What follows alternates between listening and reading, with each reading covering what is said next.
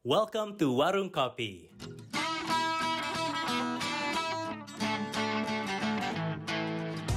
Warungnya apa nih? Warungnya anak-anak konten kali ya. Warung yang menjadi tempat diskusinya para UX writers dan copywriters dari berbagai startups di Indonesia. Traveloka, Blibli, Greens, Bukalapak, Tokopedia, Kita Bisa, Halodoc, Kata.ai, Bank OCBC NISP, dan masih banyak lagi. Nah, kalau kamu pengen belajar UX writing atau copywriting, di sini warungnya. Warung Kopi.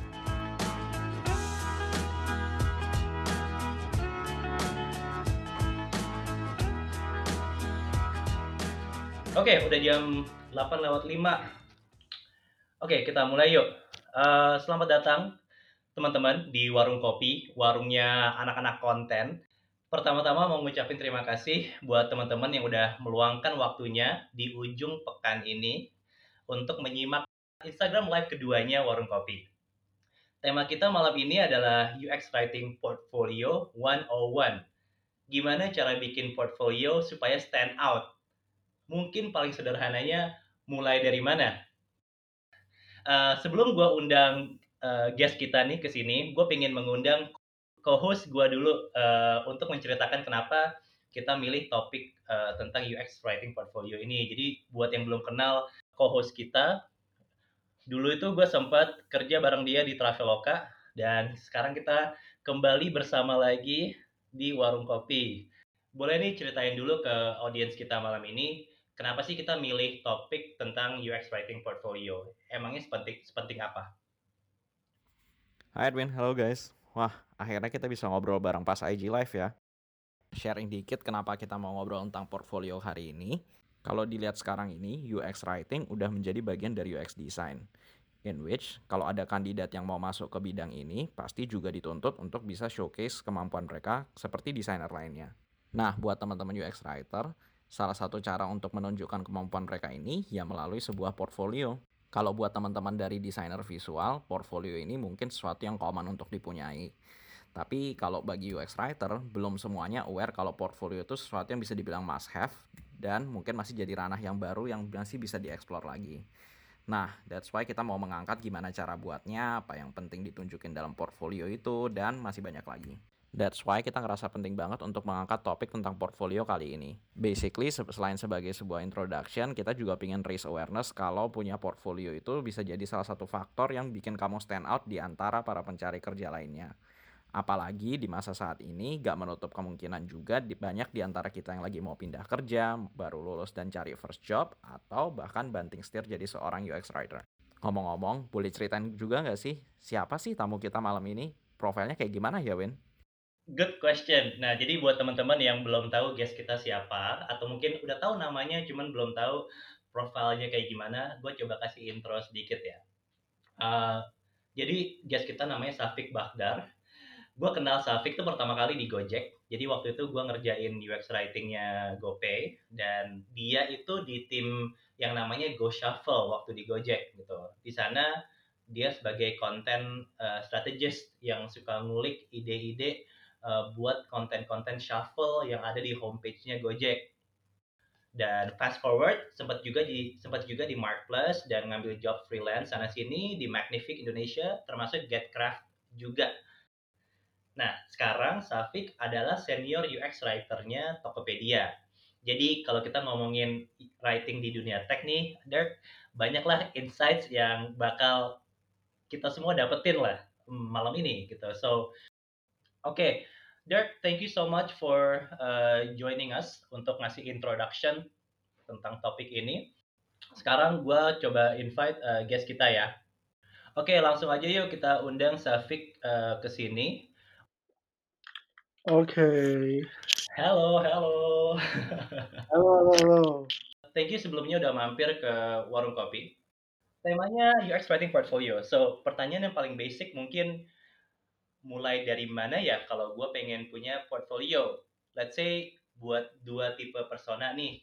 Uh, mereka yang yang udah punya pengalaman UX, eh sorry, mereka yang zero zero pengalaman UX ataupun UX writing dan mereka yang udah punya. Oke, okay, um, ini menarik sih. Um, sebenarnya kalau ditanya bisa nggak sih bikin portfolio, bisa banget gitu. Kenapa? Karena sebenarnya UX um, kebutuhan UX writing tuh makin lama kalau gue lihat ya di Indonesia tuh makin tinggi. Bahkan uh, uh, perusahaan-perusahaan yang legacy ya, yang lama gitu ya. Mungkin gue bisa sebut yang kayak misalnya Sinarmas, uh, Indofood gitu. Mereka sudah mulai mencari talent-talent di bidang UX. Gitu. Oh iya. Yeah. Termasuk UX writer gitu. Uh, sementara uh, diskursus soal UX writer juga uh, belum begitu banyak dan kebetulan kita terima kasih nih ada warung kopi yang bawa ini nih uh, diskursus soal fighting sehingga orang tuh paham bahwa ada sebuah apa ya uh, pekerjaan yang terbilang baru yaitu sebut fighting. Jadi kalau ditanya bisa apa enggak, yes bisa gitu. Nah, let's go a little bit deeper. Oke, okay, jadi kita udah tahu nih kalau gue belum punya pengalaman, gue bisa bikin gue bisa bikin portfolio. Uh, kalau dijabarin jadi semacam table of content isi portfolio kita itu mesti ada apa aja ya? Untuk table of content sebuah portfolio yang oke, okay, uh, mungkin gue bisa bagi dalam empat uh, bab ya, empat uh, chapter gitu. Jadi mungkin chapter pertama itu gue melihat bahwa portfolio yang bagus tuh dia harus bisa uh, share their professional story-nya gitu. Jadi di situ ditulis tuh kayak misalkan how and why you become a UX writer gitu.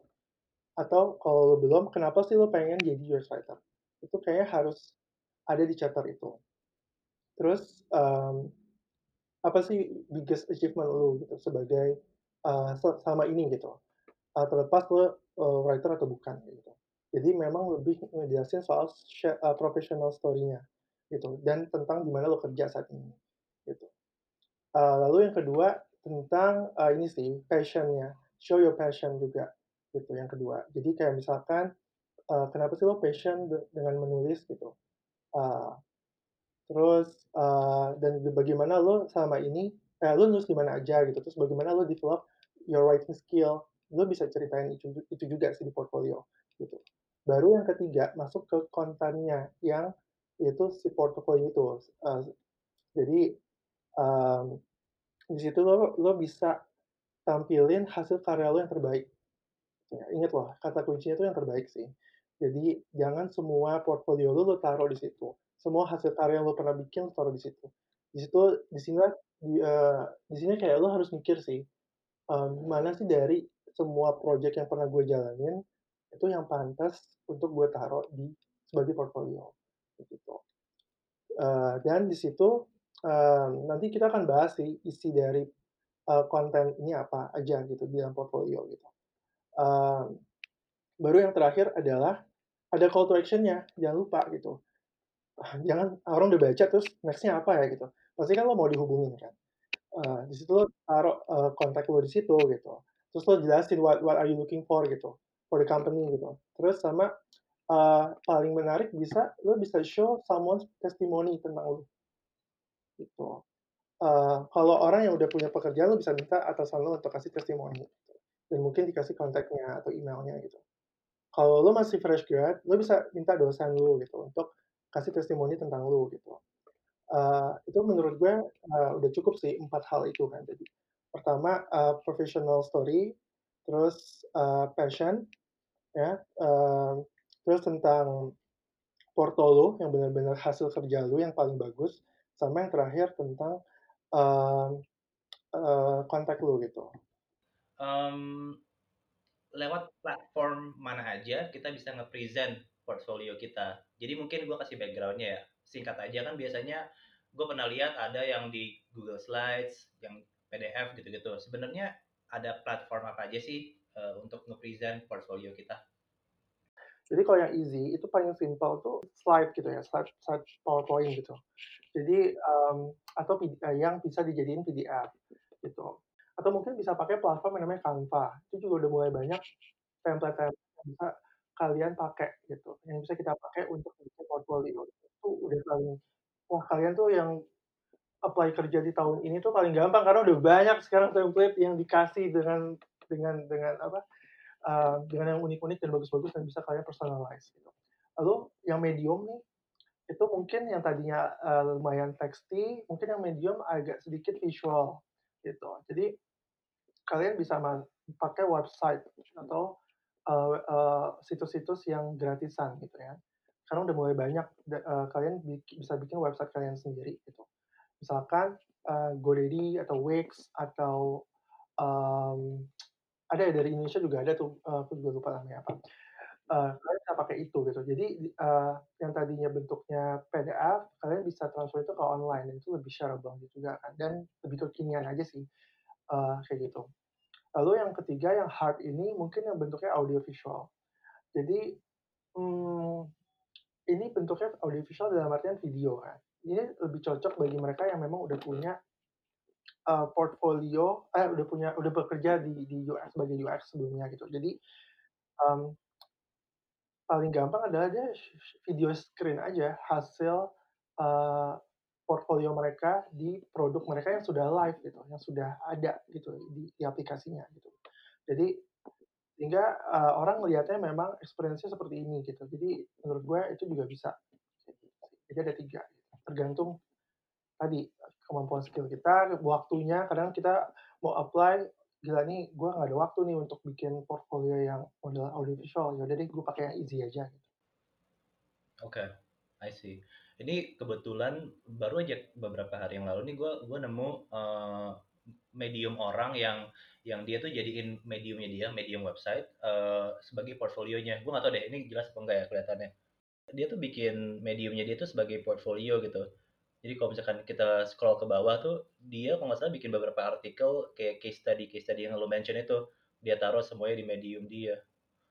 Namanya Mike Curtis kalau teman-teman mau coba uh, apa namanya explore. Cool, nice, Safik. Let's move on to our next question kalau gitu. Nah, um, kita udah tahu nih platformnya apa aja. Kalau ngomongin tools, apa sih yang uh, tools yang bisa kita pakai buat bikin portfolio? Let's say buat beginner sama tools yang mungkin lebih advance ada nggak?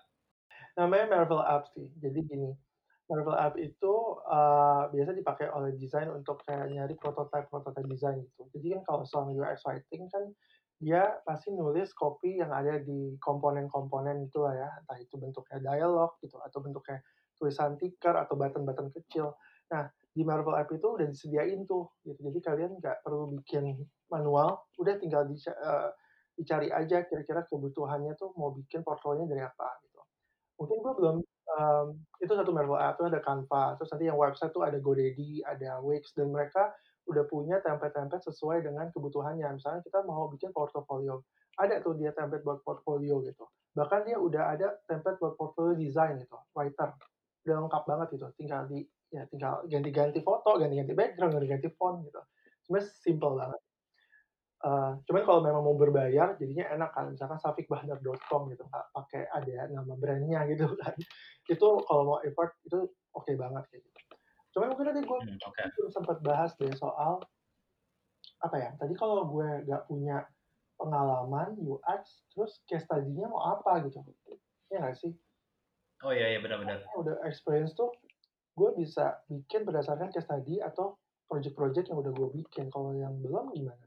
Sebenarnya bagi yang belum pernah punya pengalaman atau mereka yang banting setir ke UX, uh, sebenarnya saran gue adalah kalian bisa uh, mulai bikin porto dari uh, produk-produk digital yang kalian suka atau kalian yang gak suka.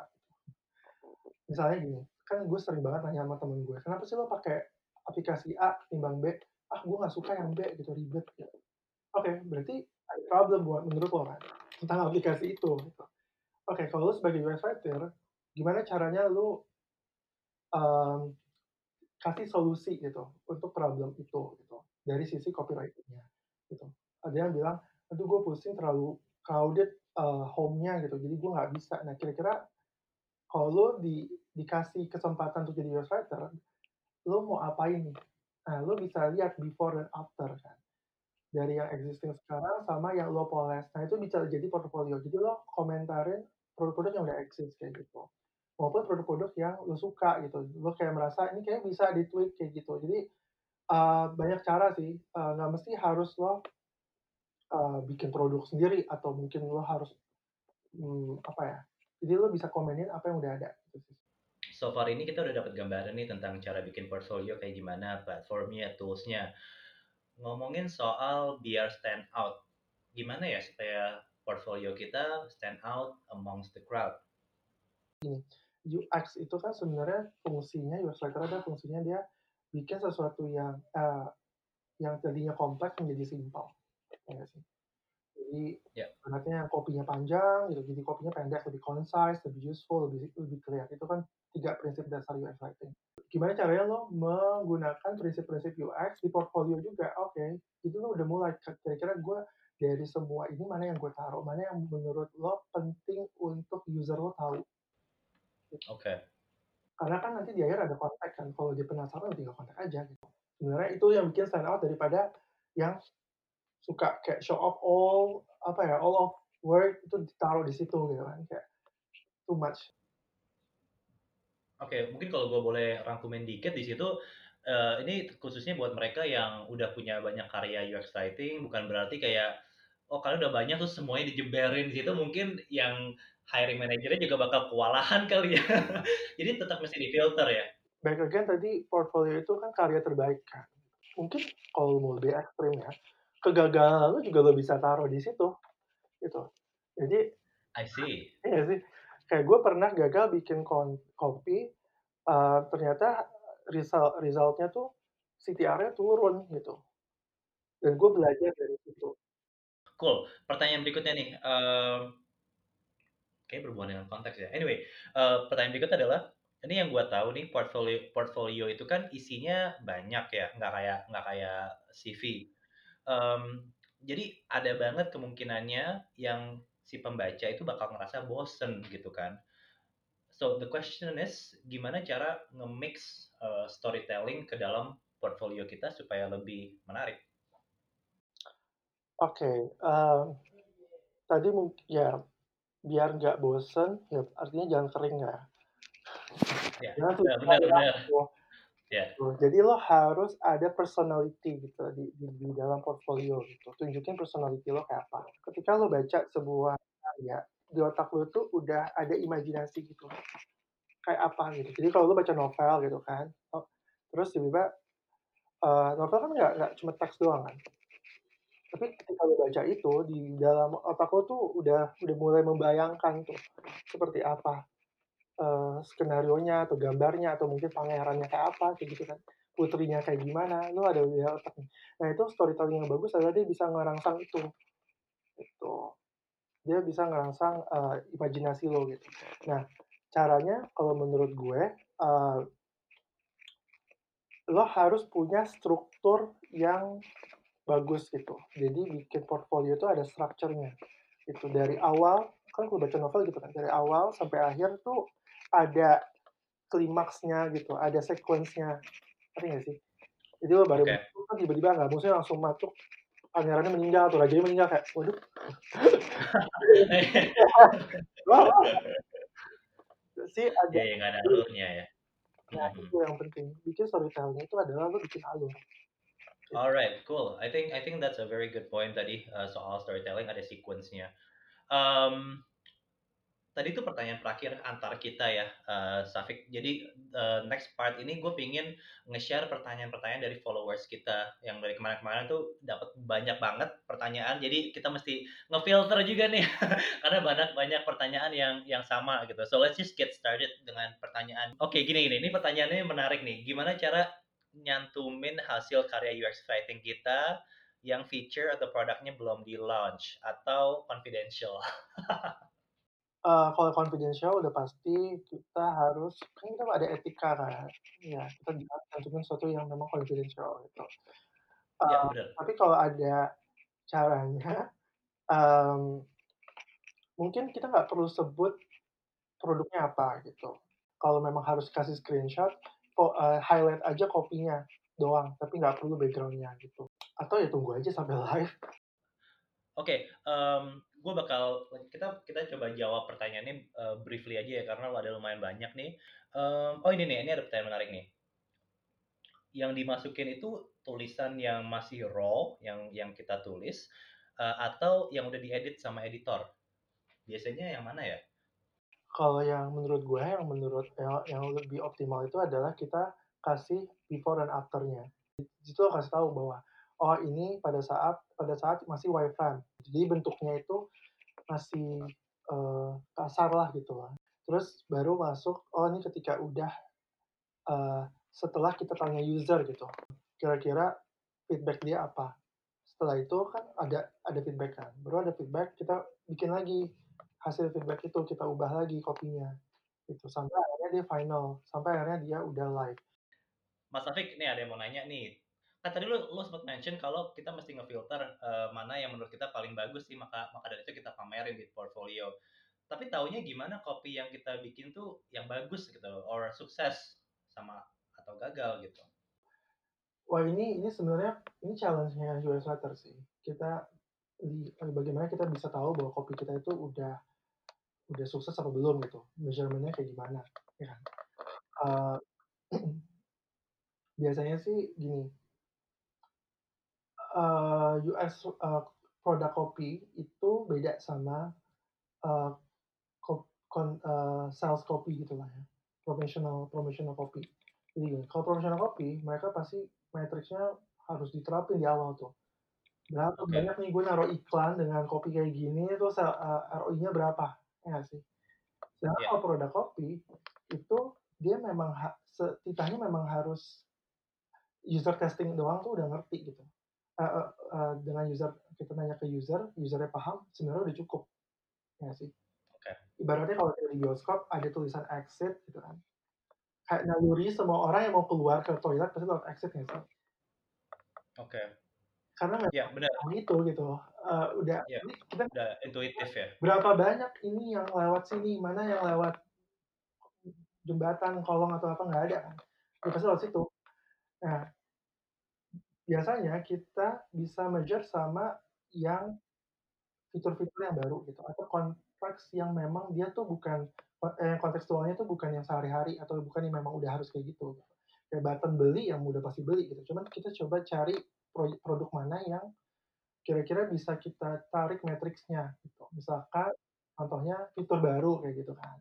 Fitur baru kan kita bisa cek nih uh, adoption rate-nya tuh kenapa eh berapa banyak sih setelah itu di launch yang pakai itu berapa banyak CTR-nya berapa kita assume oke okay, kalau itu CTR tinggi artinya engagement-nya tinggi orang ngerti kayak gitu Safik we're at the end of uh, IG live nih jadi uh, that was that was the last question ya dari kita. Um, sebelumnya thank you banget nih udah udah mampir ke warung kopi, warungnya anak-anak konten. Thank you banget Safik.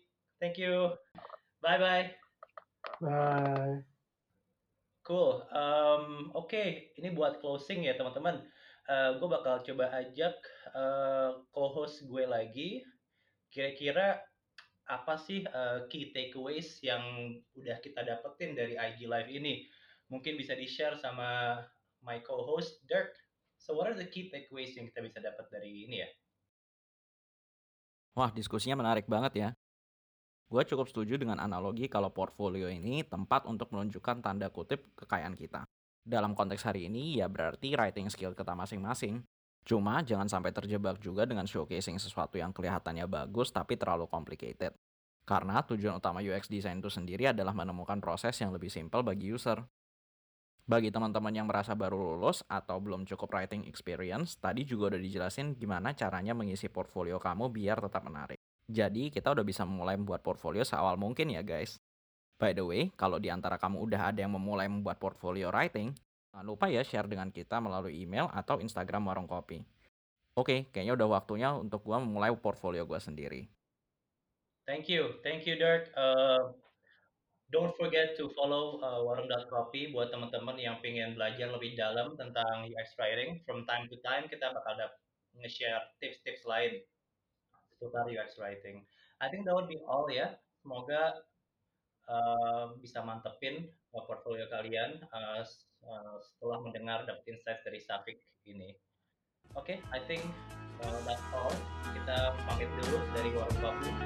Thank you. Selamat ke